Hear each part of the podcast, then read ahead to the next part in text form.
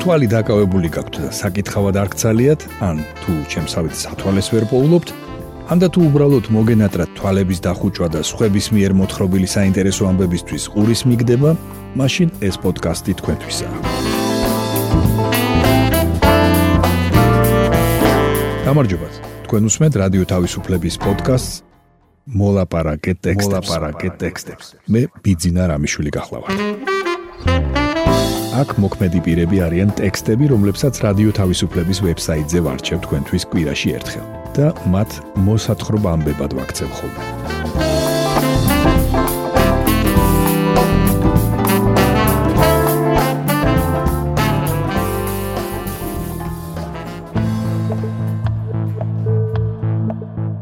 დღეს ვისაუბრებთ ევროკავშირთან დაახლოებისა და სექსუალური უმცირესობების პრობლემებზე. ნახავთ რას წარმოადგენს დაავადება მაიმუნის ყვავილი. მოგითხრობთ ვლადიმირ პუტინის სიძეზე, რომელიც თბილისშია გაზრდილი და გვარად ზელენსკია.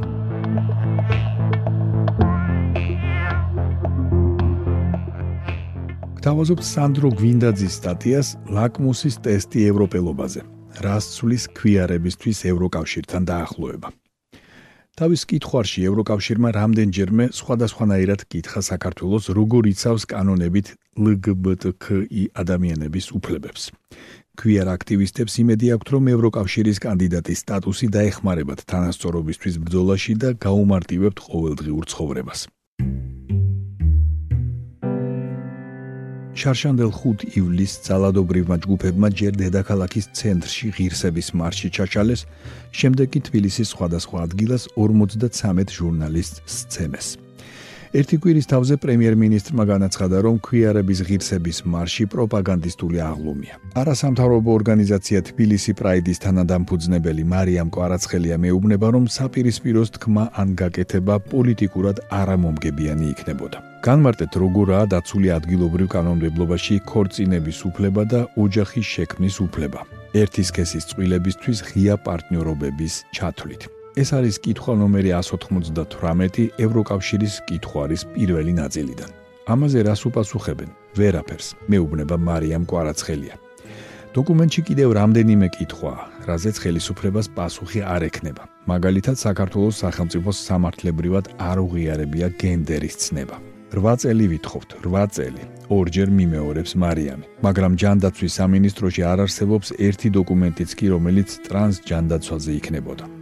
ხელისუფლებამ შეასრულა ასოცირების შეთანხმებით ნაკისრი ზოგი ვალდებულება. მაგალითად 2014 წელს მიღებული ანტიდისკრიმინაციული კანონით ისჯება ადამიანების დისკრიმინაცია სხვადასხვა ნიშნით. ეკლესიის დიდი წინააღმდეგობის მიუხედავად დოკუმენტში სექსუალური ორიენტაცია და გენდერული იდენტობაც ჩაიწერა. სახელმწიფომ ვალდებულება კი აიღო, მაგრამ ვერ შეასრულა, ამბობს მარიამი. ევროკომისიის კითხვები მარიამისა და სხვა აქტივისტებისთვის ახლა დამატებითი შესაძლებლობაა გააძლიერონ ზეწოლა ხელისუფლებაზე და შეახსენონ, რომ ნაკისრი ვალდებულებები შესასრულებელია. კარგი იქნებოდა ევროკავშირის და დასავლეთის მოთხოვნები არ მჭirdებოდეს იმისთვის, რომ ჩემი სახელმწიფო მაღიარებდეს, მიცავდეს და მხარს მიჭერდეს. იზოლებულები ვართ, რომ იმისთვის, რომ ოდნავ მაინც გაუმჯობესდეს ჩვენი ცხოვრება, ჩამოვეკიდოთ ასეთ მექანიზმებს, ამბობს იგი. კი ყველა ქვეყანაში უნიკალური მოცემულობაა, მაგრამ კანდიდატის სტატუსის მინიჭება და კანონმდებლობის ჰარმონიზაცია ევროკავშირთან თითქმის ყველა ქვეყანას ეხმარებოდა LGBTQI უფლებების უკეთ დაცვაში. ასეთ დასკვნამდე მიდის რამდენიმე არასამთავრობო ორგანიზაცია, რომლებიც აღმოსავლეთ ევროპის ქვეყნებში ლგბტკი ადამიანების უფლებრივ მდგომარეობაზე მუშაობენ. ბალკანეთის ქვეყნებში ფრიდრიხ ებერტის ფონდის მკვლევარი نيكოლინა კლომანი წერს, რომ მაგალითად ხორვატიისთვის ლგბტკი უფლებები გახდა ლაკმუსის ტესტი ევროპელობაზე. ქვეყანამ რეფორმები ისე ყოჩაღად ჩაატარა, რომ ევროკავშირის ზოგ ძველ წევრსაც აჯობა. 2013 წლის 1 ივლისს კი ევროკავშირის წევრი გახდა. ევროკავშირში არ არსებობს ერთიანი პოზიცია იმაზე, ქორწინების უფლება საყოველთაოა თუ არა. და არც იმაზე, უნდა ჰქონდეთ თუ არა ერთის კესის პარტნიორებს იგივე უფლებები, რაც დაქორწინებულ ჰეტეროსექსუალებს აქვთ. ბულგარეთის, უნგრეთისა და ლიეტუვის მსგავსად 2017 წელს საქართველოს კონსტიტუციაშიც ჩაიწერა, რომ ქორწინება კაცისა და ქალის ერთობაა. ვენეციის კომისიამ, ევროსაბჭოს საკონსტიტუციო ორგანომ ეს ცვლილება ნეგატიურად შეაფასა. მარიამ კვარაცხელიას არ ჭირდება სახელმწიფოს თანხმობა იმისთვის, რომ საკუთარ პარტნიორს ოჯახი უწოდოს. მისთვის მნიშვნელოვანია საქართველოსი უფლებრივი თანასწორობა აღიარებული და დაცული იყოს. 17 მაისს ჰომოფობიასთან ბრძოლის საერთაშორისო დღეს სახალხო დამცველმა ნინო ლომჯარიამ გაიხსენა, რომ ქვიარები და მათი მხარდამჭერები ამ დღის საჯაროდ აღნიშნავს ძალადობის რისკების და სახელმწიფოს მხრიდან დაცვის გარანტიების არარსებობის გამო წლებია ვერ ახერხებენ. იმავე დღეს თბილისი პრაიდმა ქვიარების პრობლემებზე დისკუსია დახურულ კარს მიღმა გამართა. ამ დროს რუსთაველის გამზირზე შეკრებილები ოჯახის სიწმინდის დღეს აღნიშნავდნენ. ეს დღესასწაული საპატრიარქომ 2013 წელს შემოიღო. იმ 17 მაისს დამრბევებს წინ სასულიერო პირები მიუძღოდნენ. ქვიარ აქტივისტს ბექა გაბადაძეს შფოთვაში გატარებული არაერთი 17 მაისი ახსენდება. თანაც ჰომოფობიასთან ბრძოლის დღის მოახლოებასთან ერთად მატულობდა ძალადობის შემთხვევები ქვიარების წინააღმდეგ. კანდიდატის სტატუსის მიღების მასაც ეიმედება. განსაკუთრებით იმიტომ, რომ მან უნდა დაუახლოოს საქართველოს სოციალური პოლიტიკა ევროკავშირისას. მაგალითად დაეხმაროს ქვიარებსაც და დანარჩენ მოქალაქეებსაც ღირსეული ჯანდაცვის და საცხოვრისის მიღებაში. საქართველოს 4 მარტს განაცხადი გააკეთა ევროკავშირის წევრობაზე და მაისის დასაწყისში დაუბრუნა ევროკომისიას კითხვარის მეორე ნაწილი. თვითონ კითხვარისგან განსხვავებით პასუხების გასაჯეროებას ხელისუფლება არაპირებს. 30 არასამთავრობო ორგანიზაცია უკმაყოფილო იყო იმით, რომ ხელისუფლებამ არ ჩართო სამოქალაქო სექტორი კითხვარის შევსებაში. ევროკომისია ივნისის ბოლოს იტყვის, როგორ შეაფასა საქართველოს პასუხები. თქვენ მოისმინეთ სანდრო გვინდაძის სტატია ლაკმუსის ტესტი ევროპელობაზე. რას ცვლის ქვიარებისთვის ევროკავშირთან დაახლოება?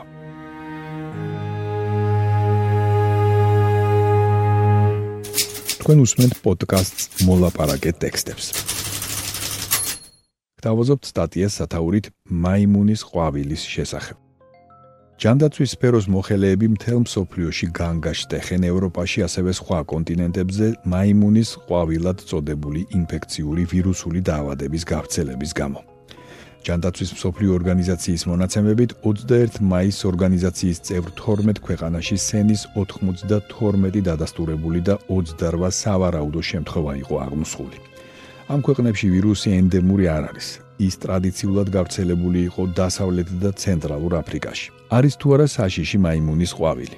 მოსახლეობისთვის ახლა საფრთხე მცირეა. განაცხადა ბრიფინგზე შეერთებული შტატების ჯანდაცვის უწყების წარმომადგენელმა 20 მაისს. მაიმუნის ყვავილს იწვევს ვირუსი, ხოლო სიმპტომების სახით გვხვდება სიცხის აწევა, ტკივილები და დამახასიათებელი გამონაყარი სხეულზე. მაიმუნის ყვავილი დაკავშირებულია კლასიკურ ყვავილთან, მაგრამ უფრო მსუბუქი ფორმით მიმდინარეობს, რაც განსაკუთრებით ეხება ვირუსის დასავლეთ აფრიკულ შტამს. რომელიც გამოვლინდა შეერთებულ შტატებში და რომლის შემთხვევაში სიკვდილიანობა 1%-ს უდრის. ამ სენით დაავადებულთა უმეტესობა სრულად გამოჯამრთელდა 2-4 კვირაში, განაცხადა ამერიკელმა მოხელემ. ექსპერტების თანახმად, მაიმუნის ყვავილი ვრცელდება ადამიანების ახლო ფიზიკური, უშუალოდ კანის კანთან შეხებით. როცა ერთ მათგანს გამონაყარი აქვს. ექსპერტების თანახმად ეს ფაქტორი ინფექციის გავრცელებას ხელს შეუშლის მისი გამოვლენის შემდეგ. COVID-ი გადადის რესპირატორული გზით და ძლიერად გადამდებია. მაიმუნის ყვავილის შემთხვევაში ეს ასე არ არის. თქვა მარტინ ჰირშმა, მასაჩუსეტსის საერთო პროფილის საავადმყოფოს ექიმმა. ახლა ჩანს ის გავრცელდა სქესობრივი გზით, გენიტალური ფორმით, როგორც სხვა სქესობრივი ინფექციები ვრცელდება. რამაც დააჩქარა მისი გავრცელება მთელ მსოფლიოში, უთხრა სააგენტო Reuters დეივიდ ჰაინემანმა, ინფექციური დაავადებების სპეციალისტმა. შემთხვევათა უმეტესობა აღმოსხულია ბრიტანეთში, პორტუგალიასა და ესპანეთში, ასევე კანადასა და ავსტრალიაში. ერთი შემთხვევაა დადგენილი ბოსტონში და შეერთებული შტატების ჯანდაცვის ექსპერტები მოელიან, რომ გამოვლინდება მეტი შემთხვევა. ჯანდაცვის მსოფლიო ორგანიზაციის წარმომადგენლები შიშობენ, რომ ინფექცია მეტად გავრცელდება. როგორ დაიცვას ხალხმა თავი ინფექციისგან? ბრიტანეთმა დაიწყო იმ მედიკოსების აცრა, რომლებსაც შეიძლება შეხება ჰქონდეთ მაიმუნის ყვავილით ინფიცირებულ პაციენტებთან. კლასიკური ყვავილის ვაქცინით, რომელსაც დაცვა შეუძლია. შეერთებული შტატების ჯანდაცვისა და სოციალური სამსახურების წარმომადგენელმა განაცხადა, რომ არსებობს ყვავილის სამკურნალო ანტივირუსული საშუალებები, რომლებიც შეიძლება გამოიყენონ მაიმუნის ყვავილის სამკურნალოდაც. უფრო ფართო გაგებით ჯანდაცვის სფეროს მოხელეები აცხადებენ, რომ ადამიანები უნდა მოერიდონ უფრო მჭიდრო პირად კონტაქტს იმ პირებთან, ვინც თავს კარგად არ გზნობს, ან გამონაყარი აქვს. ის, ვისაც ეჭვი აქვს, რომ მაიმუნის ყვავილი შეეყარა, უნდა განცალკებდეს და სამედიცინო დახმარებისთვის შესაბამის უწყებას მიმართოს. რა შეიძლება იდგეს მაიმუნის ყვავილის გავრცელების უკან? ვირუსებში არაფერი ახალი არაა და ისინი მოსალოდნელია. ამბობს ანჟელა რამუსენი, კანადის სასკაჩევანის უნივერსიტეტთან არსებული ვაქცინისა და ინფექციური დაავადებების ორგანიზაციის ვირუსოლოგი. მისი აზრით, არაერთი ფაქტორი, მათ შორის მოგზაურობის ზრდა, ასევე კლიმატის ცვლილება, აჩქარებს ვირუსების გამოვლენასა და გავრცელებას. თქვენ მოისმინეთ სტატია სათაურით მაიმუნის ყვავილის შესახებ.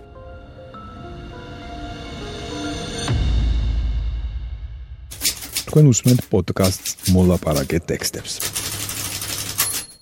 მოისმინეთ თეატოფურიას სტატია სუფთა ქართულით ლაპარაკობდა. პუტინის თბილისში გაზრდილი სიძე ზელენსკი. ვლადიმირ პუტინის ქალიშვილის პარტნიორი არის ცნობილი ბალეტმაისტერი იგორ ზელენსკი. წყვილს საერთო შვილიც ყავს მიუნხენში. ეს ამბავი ამ დღეებში მედიაში ერთ-ერთი მთავარი თემა გახდა. პუტინის სიძეს უკრაინის პრეზიდენტის გვარი და ქართული განათლება აქვს. მან თბილისის ქორეოგრაფიული სასწავლებელი დაამთავრა. რუსეთის პრეზიდენტის ვლადიმირ პუტინის შვილი კატერინა ტიხონოვა ქალიშვილთან ერთად წლებია მოსკოვსა და მიუნხენში ცხოვრობს. იქ იმყოფება ბავშვის мама, ბავარიის სახელმწიფო თეატრის ყოფილი ხელმძღვანელი ბალეტმაისტერი იგორ ზელენსკი. ამის თაობაზე ერთობლივი ჟურნალისტური გამოძიება ჩაატარა სხვადასხვა გამოცემამ. ჟურნალისტური გამოძიების შედეგად გაირკვა, რომ ქმართან კირილ შამალოვთან განქორწინების შემდეგ კატერინა ტიხონოვა თვეში რამდენჯერმე მიფრინავდა გერმანიაში. 2019 წლის ბოლოს კი ის შვილსა და იგორ ზელენსკისთან ერთად მიუნხენში გადასახლდა. გოგონა 2017 წელს დაიბადა. გამოცემა ბავშვის სახელს არ ახსენებს, მაგრამ ირწმუნება, რომ იციან რა წერია მის პასპორტში. ჟურნალისტების თქმით, საბუთებით მტკიცდება, რომ ის იგორ ზელენსკისა და კატერინა ტიხონოვას შვილია. იგორ ზელენსკი 1969 წელს დაიბადა კრასნოდარში. სწავლობდა თბილისის ქორეოგრაფიულ სასწავლებელში, ვახტანგ ჭაბუკიანის კლასში. ხშირად გამოდიოდა თბილისის საბალეტო დასთან ერთად სპექტაკლებზე თბილისში. ბალერინა ლალი კანდელაკი მას იხსენებს როგორც სოფლიოში ერთ-ერთ საუკეთესო მოცეკვავეს. მე იგორ ზელენსკის სკოლიდან ვიცნობ. ჩემზე მართალია ცოტა უფროსია, მაგრამ მაინც ძალიან კარგი მოცეკვავე იყო და მე პეტერბურგში წავიდა. რამდენჯერმე ვიცეკვე მასთან. აქ იყო თბილისში ჩამოსული, მასთან შევასრულე აპოლონი, კორსარი. აქ დაამთავრა ქორეოგრაფიული სასწავლებელი. აქ არის გაზრდილი, რა თქმა უნდა, ქართული იცის, რომ ჩამოდის ქართულად საუბრობს. ძალიან კარგი დამოკიდებულება აქვს საქართველოსთან. ყოველთვის უყვარდა, ამბობს ლალი კანდელაკი. სასწავლებელში მეგობრობდით, კარგი მოცეკვავე და კარგი ადამიანი იყო. თბილისში ვაზის უბანში ცხოვრობდა. ძალიან ცდილობდა და მალე შეისწავლა ქართული ენა. სუფთა ქართულით ლაპარაკობდა. ძალიან მხიარული ბიჭი იყო და ყველასთან კარგი ურთიერთობა ჰქონდა. მერე სასწავლებელი რომ დაამთავრა პეტერბურგში წავიდა ოჯახთან ერთად. ამბობს მისი კლასელი, ამჯერად თბილისის ოპერისა და ბალეტის თეატრის სპეციალისტი გელა ფაზუაშვილი. მას შემდეგ რაც რუსეთი უკრაინაში შეიჭრა იგორ ზელენსკიმ ბავარიის თეატრში მუშაობა შეწყვიტა. ბავარიის სახელმწიფო ოპერის დირექტორი სერჟ დორნი უკრაინის კულტურის მინისტრთან საუბრისას ამბობს, რომ ზელენსკის თეატრიდან წასვლის მიზეზი ის გახდა, რომ მან უარი თქვა ომის წინააღმდეგ საჯაროდ გამოსვლაზე. თავისი კარიერის მანძილზე იგორ ზელენსკი იყო მარიას თეატრის სოლისტი, მთავარი მოწვეული არტისტი ლასკალაში, ლონდონის სამეფო და სხვა წამყვან თეატრებში.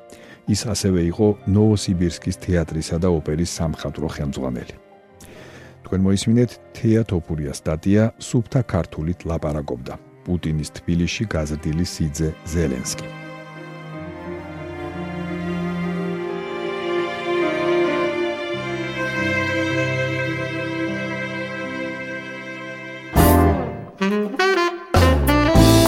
თქვენ მოისმინეთ რადიო თავისუფლების პოდკასტი მოლაპარაკე ტექსტები. მე კვირაში ერთხელ ვარჩევ რადიო თავისუფლების ვებსაიტზე გამოქვეყნებულ ტექსტებს და მათ მოსათხრობამდებად ვაქცევ ხოლმე.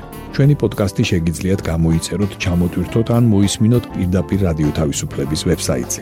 მისი მისამართია რადიო თავისუფლება.ge.